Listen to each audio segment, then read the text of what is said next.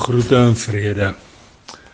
My naam is Haie Kronje en ek in die mooiste mooi woon hier aan die Kalahari kant van die land.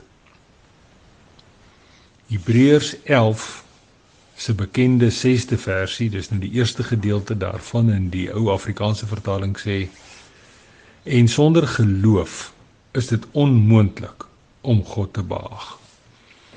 En dan sê Kolossense 1, die 10de versie in die Nuwe Lewende Vertaling.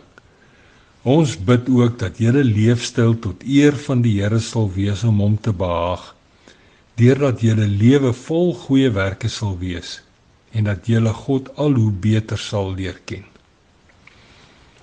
Vandag se storie se naam Geloofsreis iewers heen. Die goudkleurige westelike vers te sien, is sagkens om so met rooi en pink wolkies, terwyl 'n ligte briesie saggies die skoonheid se hare vertroetel.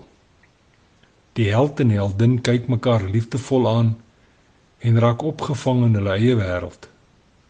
Hy buig stadig vooroor en soen haar saggies op haar vol lippe.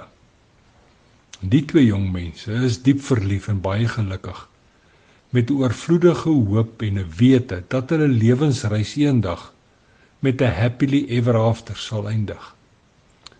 Daar sal hulle vir ewig saam wees met 'n oormaat van idilliese saligheid en hemelse geluk.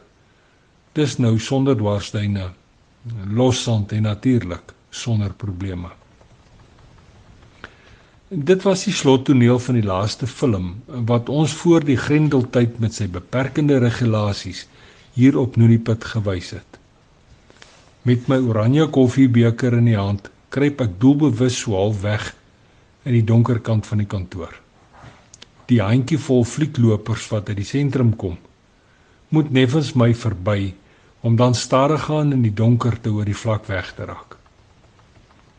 Hier en daar weer klink 'n paar stemme en ek weet dat daar oor die held en die heldin gepraat word maar ek weet ook dat die meeste van hierdie Kalahari boerlinge en moontlik ek en jy dalk ook 'n onbevredigbare hongerte na vergenoegdheid het.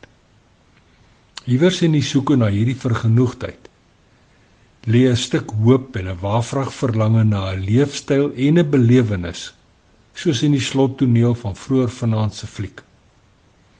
Daar is selfs 'n begeerte na sterstatus en beroemdheid maar die kondensmelk in die koffie is om 'n held van daardie verhaal te wees waaroor almal graag praat en waaroor boeke en liedjies geskryf word. Die fliekloper se stemme raak al sagter soos wat hulle in die donkerte verdwyn en ek begin wonder. Ek wonder so by myself of die mensdom dit dalk nie mis het nie. Miskien mis ons die saak in totaliteit as ons dink dat vergenoegdheid in die lewe oor ons oor ons begeertes, ons drome en ons ideale gaan. Miskien dalk ook oor ons idilliese saligheid en hemelse geluk.